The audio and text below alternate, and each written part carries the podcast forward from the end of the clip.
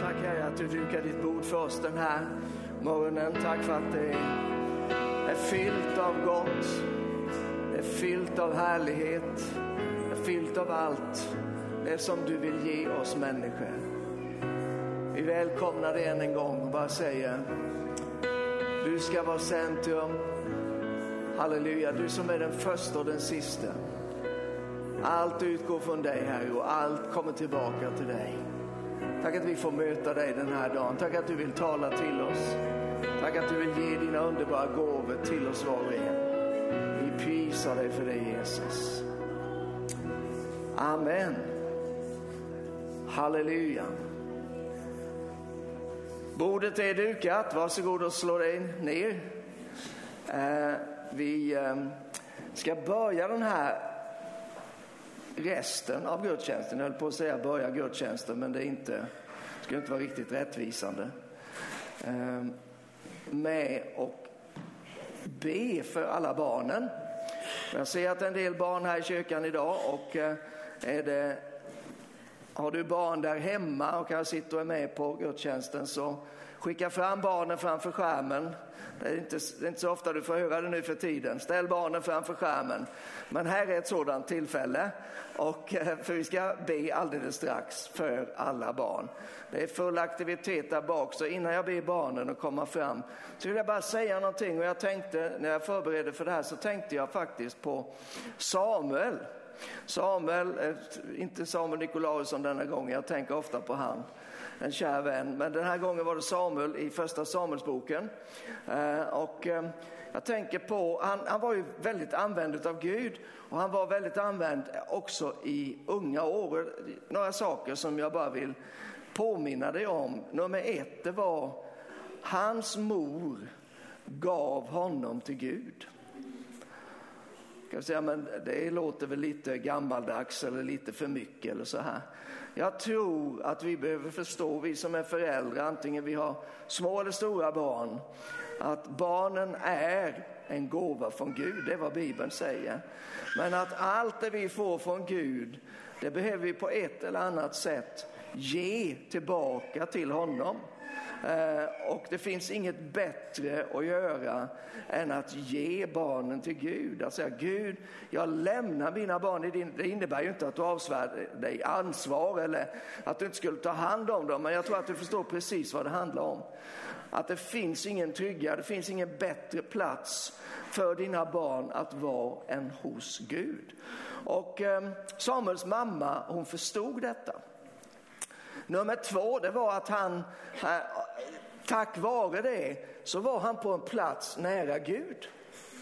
Och att vara nära Gud, det, det tänker vi kanske, eller om vi säger så här, ibland har vi ett tänk, vi vuxna, att barnen det är lite, ja visst när de växer upp, jag kommer ihåg när vi var unga, så var det någon predikant som sa till oss vid ett tillfälle, vänta bara till ni blir äldre, då kommer ni att förstå. Visst är det så. Men den attityden är fullständigt ogudaktig. Det är inte så att Gud har en liten eh, bebisheligande som barnen får del av och sen blir de uppgraderade till en juniormodell och sen slutligen när de har blivit myndiga då får de den heliga ande på riktigt. Det är lite rundgång här uppe om vi kan göra någonting åt det för det plågar mig. Utan Gud har bara en helig ande och den ger han. Och jag tror att många gånger så, så bara vi ser till så att barnen är eh, nära Gud. Det innebär ju till exempel att ta med dem till kyrkan. Och jag, vet, eh, jag vet en del om hur det är att vara småbarnsförälder. Och jag vet en del, min fru vet ännu mer för att många gånger så, eh, vi hade alltid med oss barnen till kyrkan. Eh, många gånger så predikade jag så jag slapp undan men min fru hon fick vara där bak, hon fick vara utanför, hon fick liksom hålla på och rodda med barnen hela tiden. Och man kan, vad är det för mening? Och jag får ändå ingenting ut av det. Att bara vara nära Gud, det är så betydelsefullt. Så, eh, i, i, så här i efterhand kan jag säga, de där småbarnsåren, de går väldigt snabbt förbi.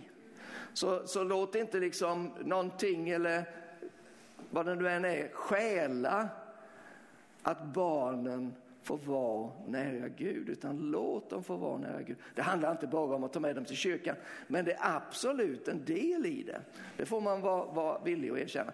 Även om inte det är söndagsskola eh, eller söndags, vad heter det nu? Söndagskul och Äventyret och, och JG. Söndags heter det. Söndagskulen är det bort på Hängneskolan. Även om det bara är en samling i kyrkan. Barnen hör hemma med familjen. Det tredje. Eh, Gud talade till Samuel.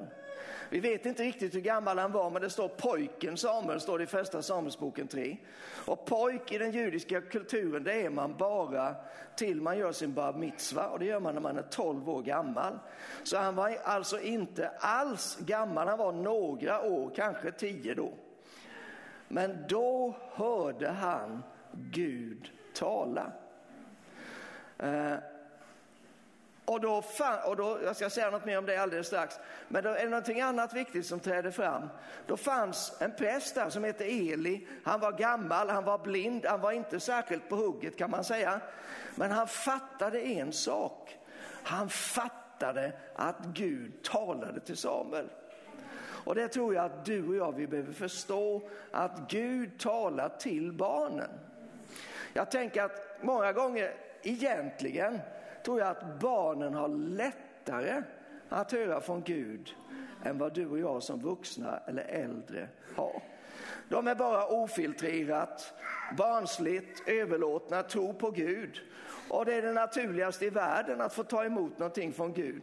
Medan vi har tränat våra sinnen, tyvärr inte bara i att göra gott utan också i världens tänkande och att ifrågasätta allting och ena sidan och andra sidan. Och, nej, men det här verkar konstigt och det här förstår jag inte riktigt. Medan barnen, de tar bara emot det. Eli fattade det. Du och jag behöver fatta det. Men slutligen, Gud talar till barnen. Om du och jag tror det, om du och jag förväntar oss det, då kommer det att vara en otrolig välsignelse. Kanske något av dina barn kan ge dig en nyckel som bara löser en till synes olöslig situation. Du kanske har googlat hur du är fyrkantig i ögonen och du har fått förbön så det, du står inte ut med mer. Kanske är det så att något av barnen har det som kommer att förlösa hela skeendet. Jag säger inte att det är det, men jag säger faktiskt att det skulle mycket väl kunna vara så. Eh, jag hör ju inte om allt som alla barn får del av ehm, här omkring. Men jag hör en del, framförallt från mina barnbarn. Och du vet, de drömmer. Drömmar som uppenbart är från Gud. De hör från Herren. Och det är så naturligt för dem att dela med sig av det och det, det sätter sin prägel på dem. Till exempel så var det ett av våra barnbarn som drömde och som har drömt vid ett par tillfällen nu att det, det, var en situation i församlingen och det är så härligt när de relaterar till församlingen. Att inte de relaterar till Kalle Anka eller, eller någonting i den stilen utan de relaterar till församlingen. Och så, så jag drömde att det var en situation med församlingen och de vuxna de klarade inte av den. Ja, men det måste vi väl klara av vi som är så fyllda av tro och kraft och erfarenhet. Men då ställde sig alla barnen, ett barn ställde sig utanför varje dörr till församlingshemmen. Och så stod de där och motade bort vem det nu var. Så att då kunde de inte komma in i hemmen. Och sen kom Jesus. Det är ju liksom, vi, vi vet ju, eller hur, Jesus är svaret, alltid. Sen kom Jesus. Men hon var så uppfylld av det så dagen efter, hon bara var i lovsång och hon ritade kring detta. Och liksom, det var ju Gud som talade. Och det är inget speciellt med våra barn. För oss är det ju speciellt givetvis, för de är våra barnbarn. Men Gud vill använda barnen. Och vi skulle bara vilja lyfta upp det den här söndagen. Vi skulle också vilja be för barnen, Vi skulle vilja säga till barnen att Gud, vi, vi tror att Gud vill använda dem. Och nu blir det då dags att placera barnen framför skärmen. Och alla barn, ni som är i kyrkan, om ni skulle kunna slita er ifrån, ni har jättekul där nere. Bara komma fram här en liten stund så ska ni få ställa er här uppe. Så att vi får titta på er. Välkomna fram.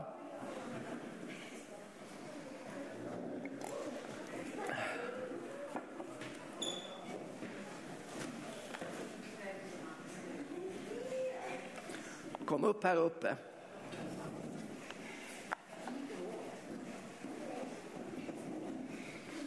Välkomna, välkomna. Och så får ni ställa er och blicka ut över de gamla här. Kan gå lite bortåt där med så jag. Ni vet att det är ungefär, jag kan ställa där borta. Uh, här kommer fler, välkomna. Det är närmare 60 barn som är på, på, um, på söndags och på äventyret och på JG. Så det är väldigt många. Bry dig inte om mamma nu Arthur. Hon kommer att vara kvar när du är färdig. Men, ja, visst är de fina? Ja, jag skulle vara alla barn. Jag skulle bara vilja säga det här till er att vi tror på er och vi är övertygade om att Gud tror på er. Och vi tror också att Gud faktiskt vill använda er. Och jag vet att ni, ni vet det, ni är använda av Gud på många olika sätt. Men vi känner att det är viktigt för oss att säga till er att Gud kommer att tala till er och Gud kommer att tala genom er. Och då vill vi jättegärna att ni på olika sätt delar med er utav det. Ni kan säga det till mamma eller pappa eller Frida eller Åsa eller någon annan. Ni får jättegärna säga det till mig. Eh, för att vi behöver er i församlingen. Faktum är att det finns läge där vi kanske inte klarar oss utan er. Och då så vill vi bara att ni ska veta att vi tror att Gud ska använda er jättemycket. Och nu vill vi be en bön för er så att alla i församlingen får resa sig upp och så sträcker vi händerna mot alla som är här framme och så bara ber vi en bön och tackar Gud för dem. Tack Jesus Kristus för varje barn, för varje ung människa här i kyrkan. De som är med där hemma, Herre, vi tackar dig också för dem. Vi lyfter dem allesammans upp inför dig. Och nu ber vi Gud att din himmel ska fortsätta att vara öppen över dem. Vi ber Gud att de ska bara fyllas av din ande. Vi ber Gud att de ska få mer och mer tro för att du använder dem på massa olika sätt. De får tjäna här, här i församlingen, men de får också ta emot ifrån dig. De får vara en kanal för dig, för din kraft, för din uppenbarelse, för din härlighet. Så vi välsignar dem den här dagen och vi bara ber Herre att din nåd ska vara stor över dem. Och vi tackar dig Gud för ditt blod ska beskydda dem. Och vi förväntar oss Herre att du ska tala starkt och ofta och mycket och förlösande genom var och en av dem. Och vi bara öppnar våra hjärtan som förälder och som föräldrar och som församlings, församling som en helhet så öppnar vi våra hjärtan för att ta emot Herre vad du vill ge genom varenda en utav dem. I Jesu namn. Amen. Amen. Nu tackar vi Jesus med en stor applåd för alla barnen här. Tack ska ni ha. Då får ni återgå till det ni gjorde innan.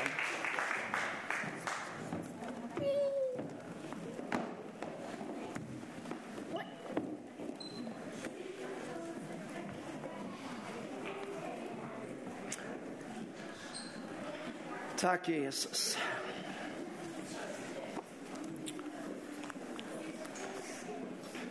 Väldigt härligt. Så jag har lite olika skärmar idag för jag ska försöka mig på någonting som åtminstone jag aldrig har varit med om i kyrkan, på en söndag förmiddag. Så det blir lite spännande. Vi ska se eh, vad som händer om jag trycker här. Jo, men det ser ut att funka. Idag ska vi nämligen lösa korsord.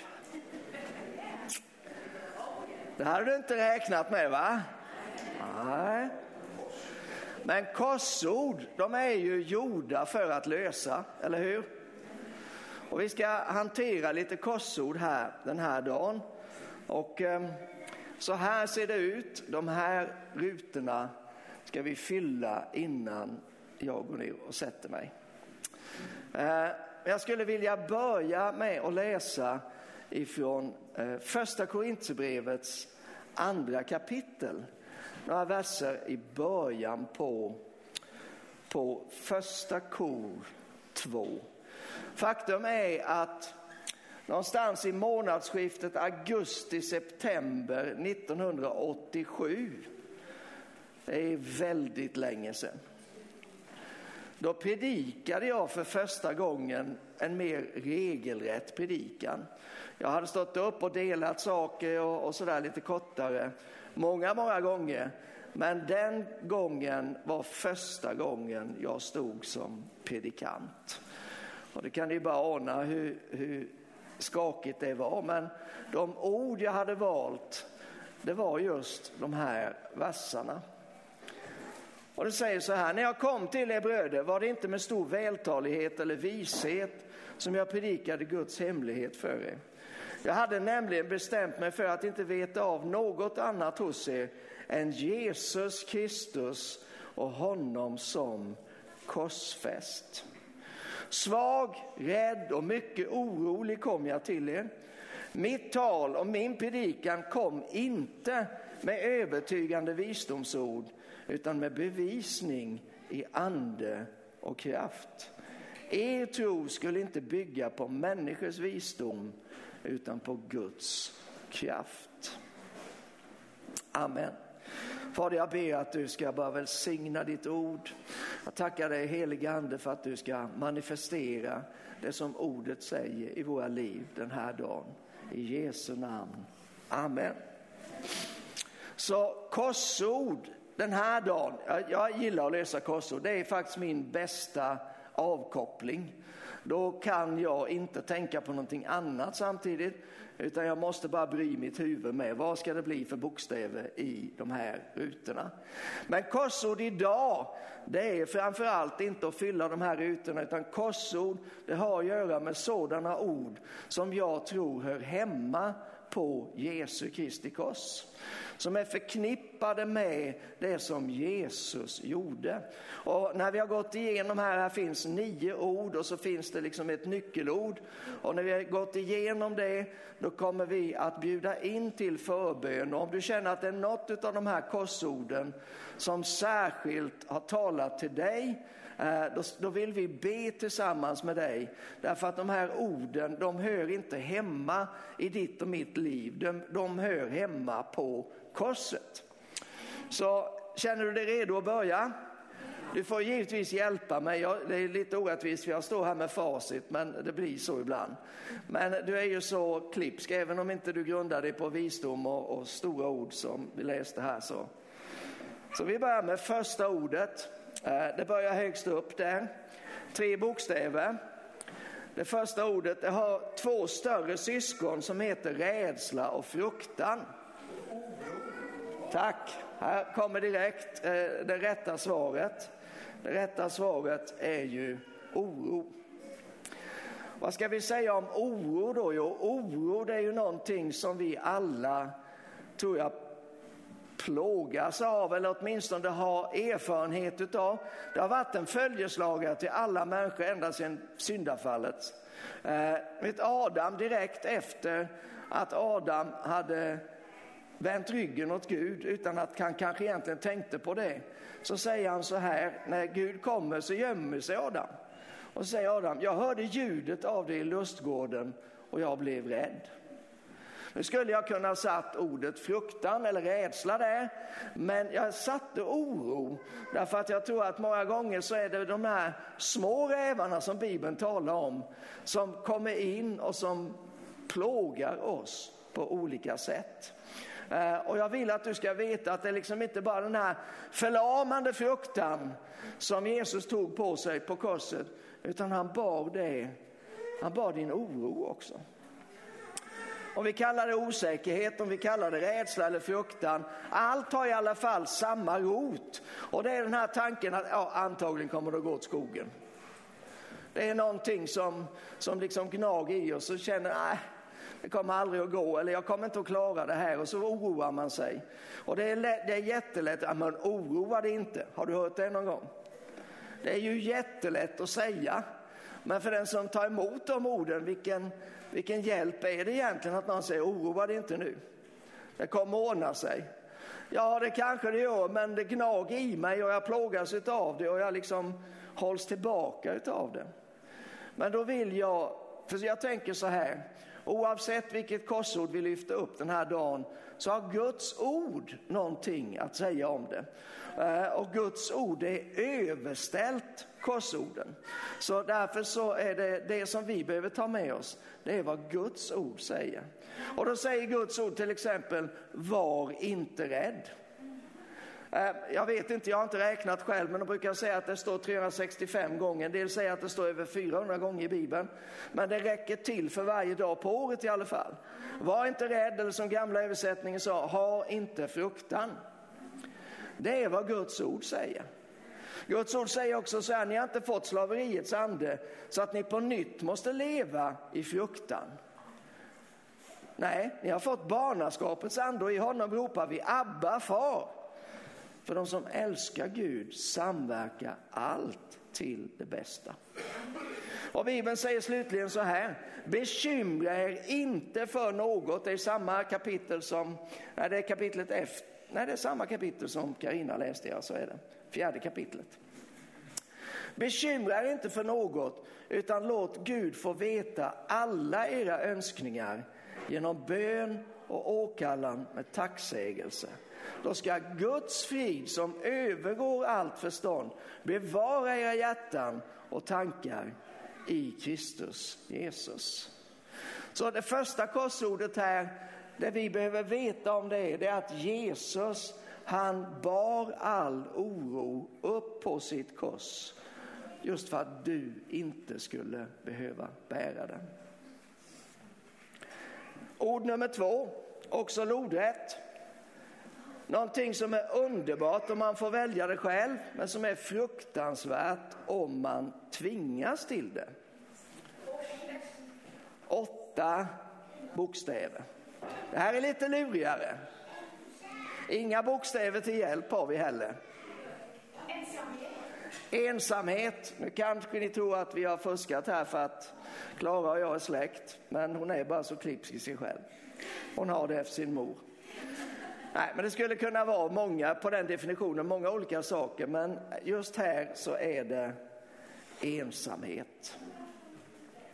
Vad ska vi då säga om ensamhet? Ja, Eh, vi vet att ensamhet eh, klassas ganska ofta numera som en folksjukdom, eller åtminstone som ett växande folkhälsoproblem. Eh, och vi vet också, kanske av egen erfarenhet, att trots att man har människor runt omkring sig, kanske står mitt i ett folkhav, så kan man ändå känna sig väldigt, väldigt ensam. Och det här är ju förstås så att ytterst sett har vi en fiende som älskar att isolera oss, både från Gud och från varandra. Det är mycket lättare, vi har den här klassiska analogin att att ett rovdjur försöker skilja ut ett, ett byte från flocken. För det är mycket lättare att ta den som är ensam eller att ta någon som är mitt i flocken. Tänk om vi kunde komma ihåg det lite oftare så skulle vi kanske undgå både den ena och den andra attacken. Men Nej, och ensamhet om man väljer det, det kan ju vara väldigt skönt. Jag uppskattar så ibland att bara få vara själv. Åh, tack Jesus. ingen är här, lägg undan telefonen, bara jag. Jättebra. Men när man tvingas till det, längre eller kortare perioder, då kan det vara väldigt, väldigt destruktivt. Det gör någonting med oss som inte är bra. Och ni vet ju eh, på straffskalan om vi döms för ett brott och så kanske inte vi blir dömda till fängelse. Gud förbjuder att någon här skulle bli det. Men så eh, sköter vi oss inte i fängelset så finns det ytterligare en sak som kan förstärka straffet. Och vad är det? Isolering. Mm. Så det är med andra ord någonting som är, ställer allting på sin spets. Guds ord säger, så här står det i Jesaja 62, man ska kalla dem det heliga folket, Herrens återlösta och du ska kallas den eftersökta, staden som inte blir övergiven. Så där har vi löftet ifrån Gud om att församlingen inte kommer att bli övergiven. Men det finns också väldigt tydligt personligt. Jag ska aldrig lämna dig eller överge dig. Det står att läsa i Hebreerbrevet 14 och det man kanske tänker på allra mest är orden från Jesus i missionsbefallningen, Matteus 28. Jag är med er alla dagar intill tidens slut. Ensamhet är någonting som Jesus bar på korset. Han ropade ut, min Gud, min Gud. Det är enda gången han kallar Gud för Gud. Annars kallar han honom alltid för far. Min Gud, min Gud, varför har du övergivit mig? Han bar ensamheten på korset för att du och jag inte inte skulle behöva känna oss ensamma. Är ni redo för det tredje ordet? Ni kommer att få en bokstav. Det går vågrätt där och sista ordet är M. Det här finns i oändligt många former och jag skulle säga att alla är precis lika fel. Precis. Sjukdom är det. Sjukdom är precis som eh, det andra vi har talat om, eh, någonting som är realitet för oss människor. Alla människor drabbas av sjukdom. Just det, vi ska få dit bokstäverna med, förlåt mig. Eh, eh, drabbas av sjukdom förr eller senare. Och det finns ganska många sjukdomar som om de får gå obehandlat eller ohotat, vad säger man? Om inte någonting motverkar dem så leder de ytterst sett till döden. Så det är någonting allvarligt. Vi behöver komma ihåg att sjukdom, det var inte en del av Guds originalskapelse. Utan sjukdom blev en verklighet tack vare, eller på grund av snarare, genom syndafallet. Och då behöver man slå fast, tror jag, igen och igen ett väldigt betydelsefullt faktum, nämligen att Gud sände inte sjukdom. Sjukdom kom inte ifrån Gud. Gud kan inte ge någonting som han inte själv har. Och varför är det viktigt att slå fast? Jo, därför att det, det ger ju också oss en väldigt tydlig grund för vilken inställning vi ska ta gentemot sjukdom. Ibland kan det ju vara lite skönt att bli lite förkyld för att nu för tiden så ska man ju vara hemma när man blir förkyld. Och sen bara, ja vad skönt, jag får vara hemma ett par dagar nu och vila mig lite grann. Helt okej okay om du tänker så, men på ett, på ett djupare plan så behöver du och jag förstå att sjukdom är alltid en fiende. Fienden behöver vi alltid på något sätt kriga emot. Vi behöver ha ett motstånd mot det som är ont. Vi vill inte låta det ta någon plats i våra liv och absolut inte att ta över i våra liv. Så därför så vänder vi oss till Guds ord och Guds ord har ju väldigt mycket att säga om detta. Nu när vi är inne i bön och fasta här så, så väljer vi, Elinor och jag, även att fasta från tv med ett undantag. Vi eh, kollar på eh, alla säsonger som har kommit hittills av The Chosen. Och eh, där helar ju Jesus människor typ på löpande band. Och det är så underbart att bara få leva sig in i det där och veta att Jesus, han är densamme. Han har inte förändrats ett dugg, han har samma inställning mot sjukdom. Eh, igår kväll till exempel så kom han in i en synagoga och så var det en man med en, en förvissnad hand eller vad det heter. Eh, och Jesus bara kliver fram till honom och det blir tumult i synagogan för så jobbar man inte där. Eh, och så pratar han lite med honom och så bara lägger han handen på honom och så rätas den där handen ut. Älskar man inte sådant, eller hur? Ja, jag tror att Gud vill att vi ska se mycket, mycket mer utav det, inte bara på tv, utan att vi ska se det här mitt ibland oss. Halleluja. Gud vill att det ska bli en, en vanlig men härlig verklighet i våra liv. Och därför så behöver vi hålla fast vid vad Gudsordet säger. Korsordet är sjukdom, men Gudsordet är jag är Herren din läkare. Det är ett av de första namn som Gud ger sig själv när han uppenbarar sig själv. Han har uppenbarat sig som överflödets Gud, han har uppenbarat sig som den Gud som förser. Men här uppenbarar han sig som Herren, vår läkare. Sen har vi förstås de väldigt kända orden i Jesaja 53. Det var våra sjukdomar han bar. Där talade ju väldigt konkret om korset. Jesaja profeterade cirka 700 år innan det blir en verklighet. Eh, I Matteus 8 så, så citerar Matteus, eh, anknyter till detta och säger så här i det åttonde kapitlet, han tog på sig våra svagheter och bar våra sjukdomar. Han tog på sig våra svagheter och bar våra sjukdomar. Vi predikade häromdagen, eller härom sistens, eller jag predikade, jag tror det var här i alla fall, psalm 103, där det står Herren förlåter dig alla dina synder och botar alla dina sjukdomar. Och vi har också förstås i första Petrus 2, genom hans sår är ni helade. Så det är vad Guds ord har att säga om det. Och om du har sjukdom eh, själv eller du har sjukdom i familjen men du bara säger det där hör inte hemma hos oss, det hör hemma på korset. Då ska vi be för det här i slutet av gudstjänsten. För Jesus tog alla sjukdomar upp på korset för att du och jag och vi inte skulle behöva plågas av dem. Så nu har vi redan klarat av en tredjedel av korsordet. Så vi går vidare, här har vi vågrätt där uppe. Det är eh, nio bokstäver. Mer än en miljard av världens befolkning lider av svår fattigdom. fattigdom. Tack.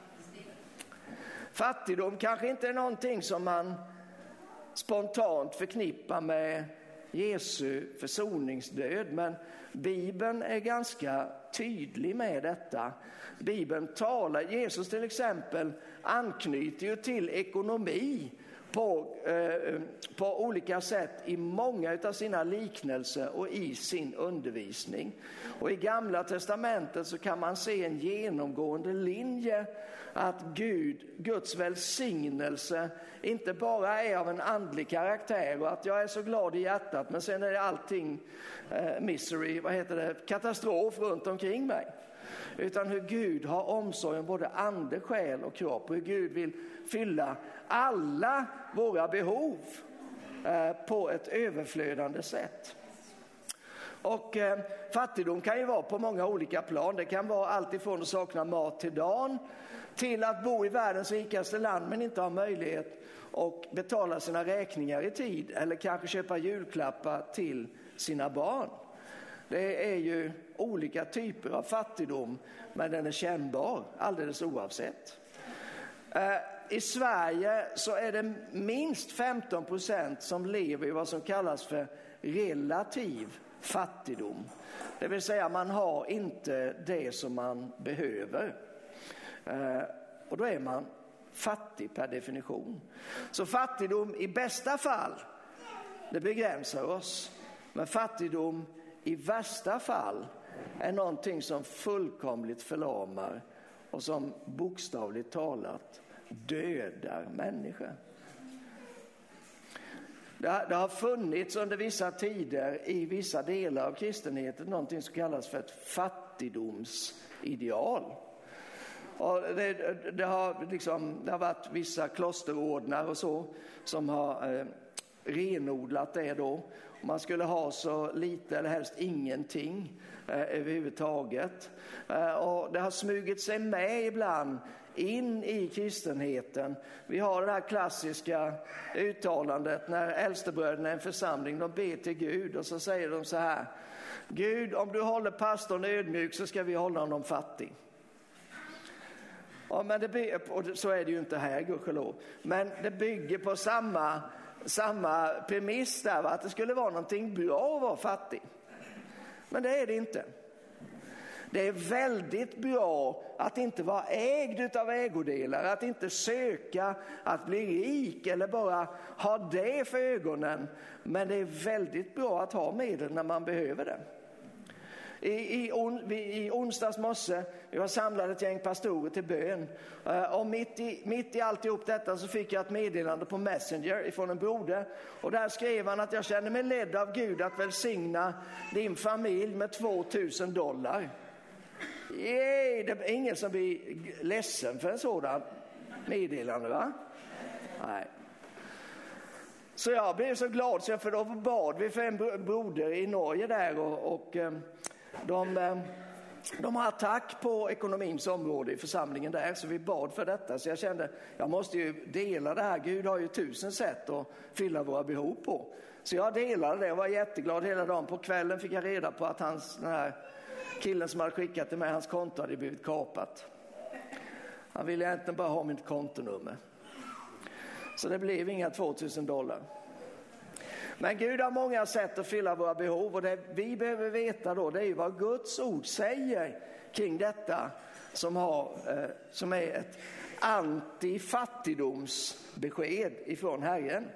Eh, och då vill jag bara nämna några saker som Bibeln säger. Du ska komma ihåg Herren din Gud, för det är han som ger dig kraft att skaffa rikedom. Eller Romarbrevet 10 som säger att han ger av sin rikedom till alla som åkallar honom. Eller den, en av de mest maximerade verserna i hela Bibeln i Andra Korinthierbrevet 9. Gud har makt att ge er all nåd i överflöd så att ni alltid och i allt har nog av allt och kan ge i överflöd till varje gott verk. Det är en mening, maxad mening, så bara understryker Gud igen och igen och igen att han kan och vill förse på ett överflödande sätt. Och sen måste man också ha med det som står i kapitlet före, i kapitel 8 i andra Korinthierbrevet. Ni känner ju vår Herre Jesu Kristi nåd. Han var rik men blev fattig för er skull för att ni genom hans fattigdom skulle bli rika. Det här är ju en av flera, eller en av ganska många versar där Bibeln tydligt visar eh, oss att Jesus kliver in i vår situation, i vår position. Han tar vår plats så att vi inte ska behöva vara där utan få kliva in i hans plats. Det ställföreträdande offret. Eh, vi kommer att komma tillbaka till det, men här är en, en bibelvers som väldigt tydligt säger Jesus var rik, men han blev fattig för er skull för att ni genom hans fattigdom skulle bli rika. Det är ett bra evangelium. Så det du får ta med dig från eh, den här korsordet, det är att Jesus han tog din fattigdom. Man kan vara fattig på många olika sätt. Bibeln säger att det finns en bra fattigdom, det är att vara fattig i anden, men det betyder inte eh, att man inte har någonting i anden. Det betyder bara att man känner, oh jag är behovets barn, jag måste bara ha mer utav Gud. Men det mesta av övrig fattigdom, det är inte av godo. Men Jesus bar din fattigdom upp på korset för att du skulle kunna leva ett liv av övernog. All right. Jag glömmer att ta ut bokstäverna, men där fick ni dem i alla fall. Fattigdom. Och så tar vi nästa ord. Ett långt lodrätt ord. Att veta att man är sedd, behövd och älskad, det är bästa medicinen mot detta. Tack. Så är det. Här kommer förkastelse. Ni kommer att märka att när, när de här, alltså eftersom vi fyller på med mer korsord så, så kommer de här begreppen lite grann att tangera eller gå in i varandra. Men jag valde ändå eh, medvetet att använda de här orden för det begrepp som talar till oss, det är begrepp som anknyter till oss. Och, och då vill jag att du ska veta att de här företeelserna som, som finns bakom orden, de här verkligheterna som bor i orden, de hör hemma på korset.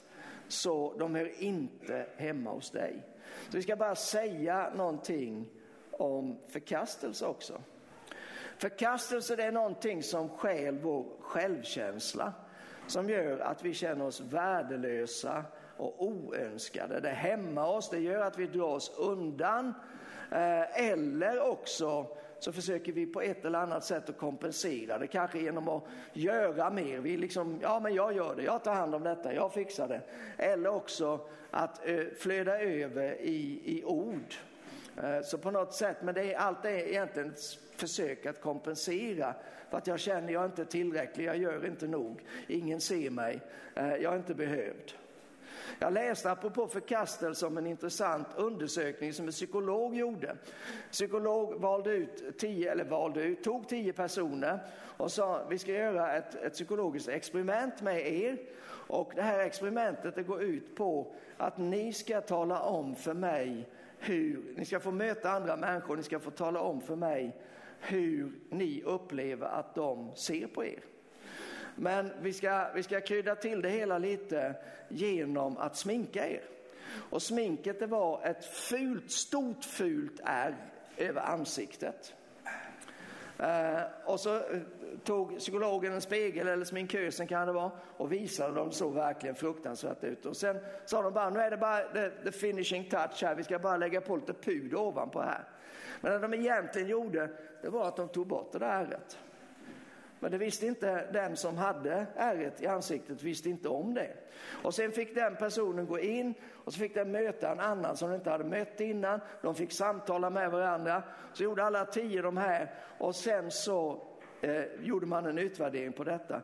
Det visade sig att alla tio upplevde jag blev så illa bemött och det enda de gjorde det var att stirra på mitt ärr hela tiden. Fast det fanns inget ärr där. Det är förkastelse. En självupplevd eller en självbild som inte stämmer med verkligheten. Och här tror jag att vi också alla kan känna igen oss på olika sätt. Det är ingen, det är ingen rocket science det här. Men, men det här kommer, när vi slåss med detta så kommer vi alltid att vara hämmade. Vi kommer alltid att hållas tillbaka. Eller kommer vi att i vår egen kraft att försöka som, kompensera för att komma förbi det här, för det är så påtagligt. Det handlar om identitet, hur vi identifierar oss själva och vi behöver hitta vår identitet i Kristus. Så vi måste ta Gudsordet och vad Guds ord säger, då vill jag bara ge ett par bibelord också apropå detta. Eh, det står så här i Jobb 36, du kanske inte har hittat så mycket positivt i, i Jobb. Jag läste Jobb här före jul, det var ett jobb. Men det står faktiskt en hel del bra där också. Här står till exempel i 36, se Gud är väldig och förkastar ingen. Även om människor, för det, jag vill säga detta också förresten, kommer jag, kom jag ihåg nu. Förkastelse är inte bara självupplevt. Den här stackaren med ärret där, det var ju självupplevt då. Va?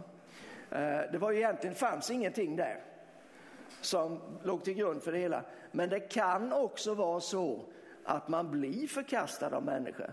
Människor vänder sig bort ifrån er, människor slutar att hälsa och så vidare. Jag har varit med om det vid olika tillfällen i mitt liv. Det blir någon fnurra på tråden och helt plötsligt så finns inte människor där längre. De vill inte prata, de vill inte hälsa, de går över på andra sidan gatan beroende på liksom situationen. Det är ju en verklig förkastelse. Och det, det rör, och vi kan vara hur tuffa som helst och säga jag struntar väl i det. Och jag har så många kompisar i alla fall och jag, det, jag bryr mig inte. Fast det är inte sant. För vi är påverkade av det. Det gör ont långt in i hjärtat så gör det ont. Förkastelse, det, det verkar mot det här. Vi har ett sådant grundläggande behov som är nedlagt av Gud i själva skapelsen. Att vara sedd, att vara, bli bekräftad, att få vara behövd, att få vara omtyckt och, och alla de här sakerna. Så därför är förkastelse också en sån realitet. Men Gud förkastar ingen. Eller vad säger Guds ord? Jag säger också så här, fortfarande Jesaja 53, vi kommer att komma tillbaka det flera gånger idag. Han var föraktad och övergiven av människor, en smärtornas man och förtrogen med lidande. Jesus var det. Vi måste gå vidare. Vi tar nästa ord. Eh, mycket mer än bara onda ord uttalade över någon. Yes, här har vi förbannelse. Tack för det. Och det här är ju kanske som en, en förlängning eller en förstärkning av det som vi talade om alldeles nyss. Men jag tänker så här, om vi visste vad våra ord kan åstadkomma, då skulle vi antagligen vara mer noggranna med hur vi använder dem. För Bibeln säger att tungan har makt över död och liv. Och förbannelse, det är en andlig realitet.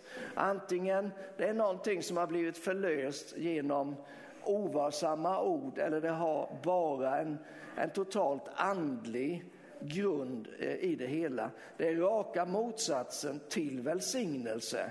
Eh, och ofta blir det förlöst på ett eller annat sätt just genom ord. Eh, ett par saker som Guds ord säger Dels tänker jag på verserna i femte Mosebok 28. Och jag vill citera ett par stycken av dem. Om du lyssnar till Herren din Guds röst genom att noggrant följa alla hans bud som jag idag ger dig, så ska Herren din Gud upphöja dig över alla folk på jorden och alla dessa välsignelser ska komma över dig och nå fram till dig. Och några verser senare, jag tror det är vers 14. Men om du inte lyder Herren din Guds röst och inte håller fast vid och följer alla hans bud och stadgar som jag idag ger dig, så ska alla dessa förbannelser komma över dig och nå fram till dig. Välsignelse och förbannelse, det fanns redan på gamla testamentets tid, det var en realitet. Där kom välsignelsen utav att fullt ut lyda Guds ord och förbannelsen kom av att inte göra det. Nu är det ju ett, ett faktum vi måste ta hänsyn till, nämligen att ingen av oss klarar att leva upp fullt ut till Guds ords standard. Så därför ligger vi ju lite illa till här om inte det vore för korset. Därför har vi ytterligare ett sånt här bibelord som talar om det ställföreträdande offret. Där Jesus kliver in i vår situation så att vi får kliva in i hans. Och då står det i Galaterbrevet 3, Kristus har friköpt oss från lagens förbannelse genom att bli en förbannelse i vårt ställe. Det står skrivet, förbannade var och en som är upphängd på trä. Så skulle välsignelsen som Abraham fått komma till hedningarna i Kristus Jesus. Man kan förstå det här med förbannelse på många sätt. Vi ska inte fördjupa oss så i det. Jag vill bara ge en tanke till innan vi går vidare till nästa ord. Och det är att förbannelse, om välsignelse är att ha allt vad man behöver och ha lite mer så att man kan dela med sig av det, då är förbannelse motsatsen. Det är att sakna någonting som man behöver. Och det kan eh, gestalta sig på alla möjliga olika områden. Det kan gestalta sig att man saknar frid, eller man saknar framtidstro, eller man saknar pengar i plånboken, eller man saknar styrka eh, att möta dagen. Allt sådant är på ett sätt en förbannelse. Jesus tog förbannelsen upp på korset för att du skulle bli välsignad och inget annat en välsignad. Nästa ord. När man försöker allt man kan och ändå inte kommer loss. Här är lite tricky här. Det är nio bokstäver.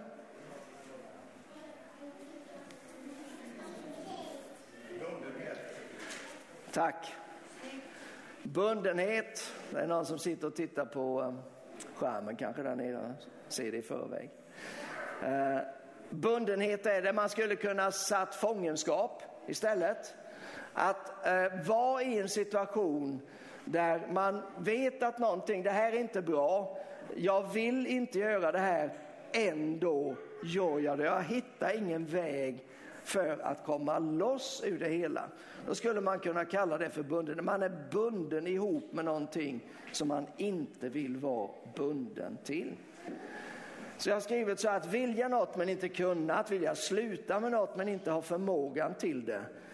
Alla har vi ju varit där på ett eller annat sätt, eller kanske är där just nu. Och ju mer man försöker desto djupare blir hjulspåren och till slut så är de så djupa så man ser knappt över kanten. Man blir så fångad av detta, man blir så, det blir så mycket, man fokuserar mer och mer för man tänker jag måste sluta med detta, jag måste bli fri från detta. Och så bara gräver man ner sig mer och mer i detta. Och det handlar inte bara om liksom stora uppenbara eh, hemskheter som droger eller alkohol eller kriminalitet eller så, utan det kan lika gärna vara eh, onda, dåliga, dålig bekännelse, skvaller, rädsla och så vidare. Eh, men Guds ord säger, och nu kommer en av våra generalverser här i församlingen, från Lukas, det fjärde kapitlet. Herrens ande är över mig för han har smort mig till att förkunna glädjens budskap för de fattiga.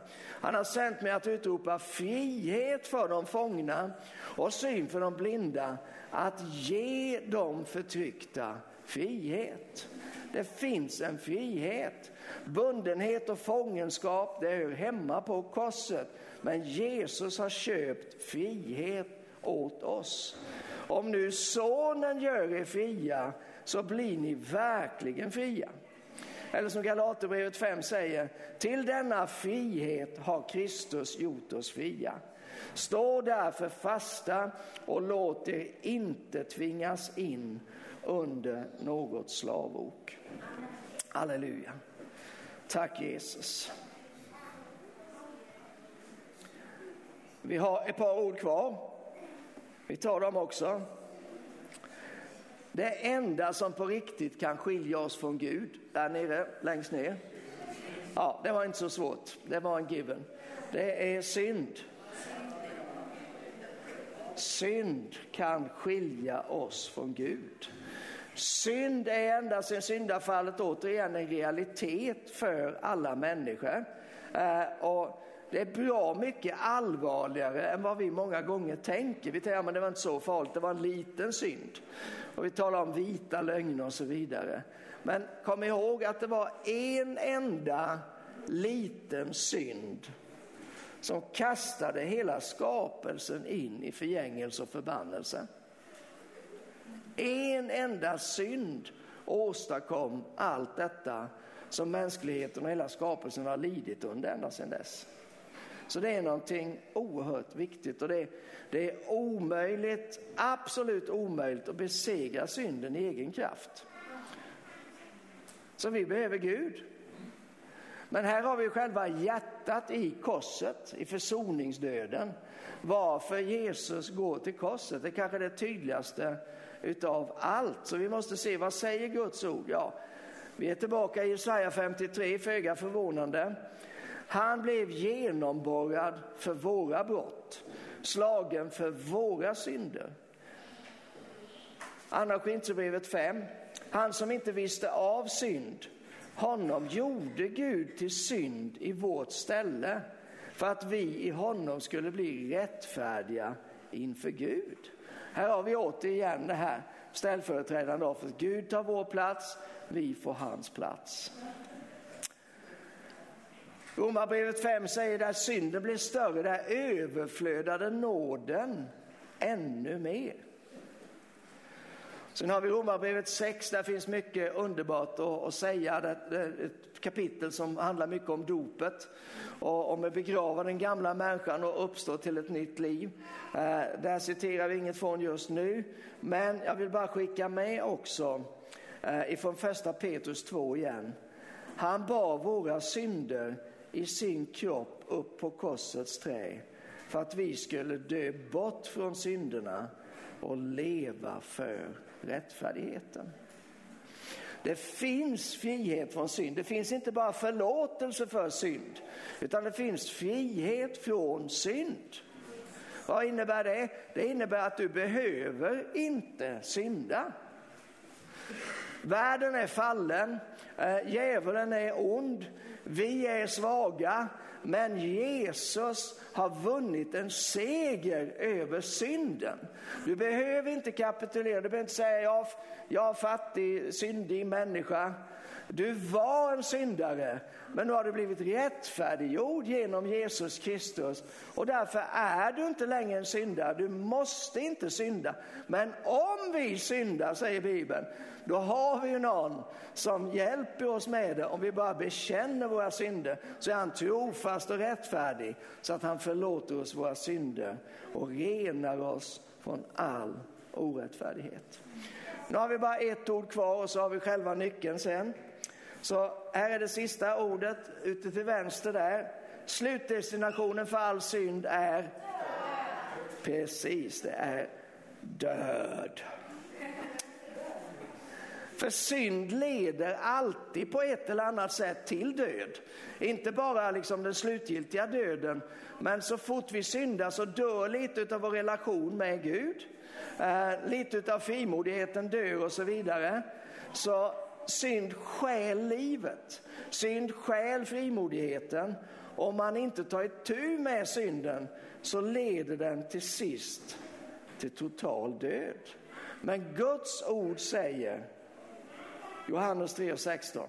Så älskade Gud världen att han utgav sin enfödde son för att var och en som tror på honom inte ska gå förlorad, det vill säga inte dö, utan har evigt liv.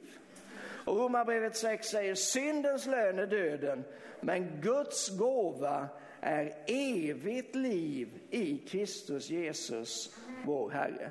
Och här måste vi nästan citera också slutet på första Korinthierbrevet 15, eh, som säger så här, du död, vad är din seger?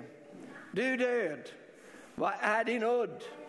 Dödens udd är synden och syndens makt kommer av lagen, men Gud vare tack som ger oss segern genom att Jesus dog. Genom vår Herre Jesus Kristus. Ska jag läsa, jag hoppade i raderna här. Gud vare tack som ger oss segern genom vår Herre Jesus Kristus. Så Jesus dog i ditt ställe för att du ska kunna leva för honom i både tid och evighet. Och här har vi ju nu nio stycken ord, företeelser, verkligheter, attacker, problem, utmaningar, fiender som inte hör hemma i ditt liv utan som hör hemma på korset. Och nyckelordet, ja.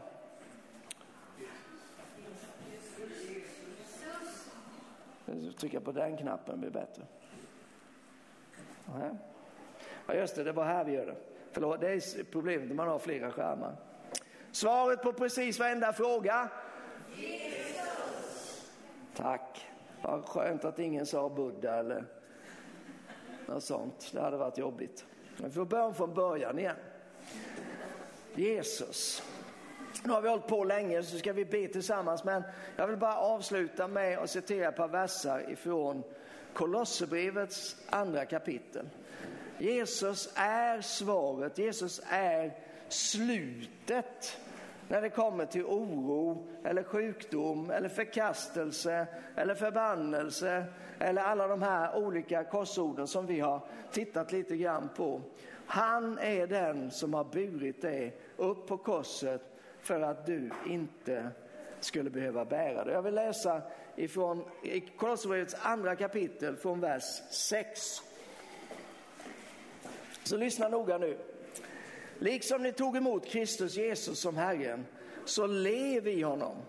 Rotade och uppbyggda i honom och grundade i tron i enlighet med den undervisning ni har fått. Och låt er tacksamhet flöda över. Se till att ingen fångar er med den tomma förrädiska filosofi som bygger på mänskliga traditioner och världsliga makter och inte på Kristus. I honom bor gudomens hela fullhet i kroppslig gestalt och i honom är ni uppfyllda. Han som är huvudet över alla härskare och makter. I honom blev ni också omskurna, inte med människohand utan med Kristi omskärelse, när ni avkläddes er syndiga natur och begravdes med honom i dopet. I dopet blev ni också uppväckta med honom genom tron på Guds kraft, han som uppväckte honom från de döda. Ni var döda genom era överträdelser och er oomskurna natur, men också er har han gjort levande med Kristus. Han har förlåtit oss alla överträdelser och utplånat skuldebrevet som vittnade mot oss med sina krav. Det tog han bort genom att spika fast det på korset. Han avväpnade härskarna och makterna som och gjorde dem till allmänt åtlöje när han triumferade över dem på korset. Oro, sjukdom, förkastelse, synd, fattigdom. Det är spikat fast på korset. Det är korsord på riktigt. De är inte hemma i ditt liv. Det som de representerar och det som de manifesterar, det hör inte hemma i ditt liv som ett Guds barn. Det hör hemma på korset. Och idag så ska vi bara hänga upp dem där, om de, om de är en verklighet i ditt liv. Absolut, det finns saker i mitt liv också som vi brottas alla med olika saker. Men vi vill bara komma till Jesus den här dagen och så vill vi bara tro honom om att han lyfter av detta av oss. Och bara be en enkel bön tillsammans i tro på honom. Att de här sakerna hamnar där de hör hemma. Det är inte i ditt och mitt liv, utan det är på Jesu Kristi kors. Ja, men man blir gammal och då blir man sjuk. Så kan det vara. Men Bibeln ger också exempel på de som har levt och gått hem till Herren utan att det har varit på grund av sjukdom. Bara för att vi är vana vid någonting, bara för att vi ser saker och ting omkring oss, måste inte betyda att det är på det sättet. Det är fienden som älskar att få oss att tro att det måste vara på ett visst sätt.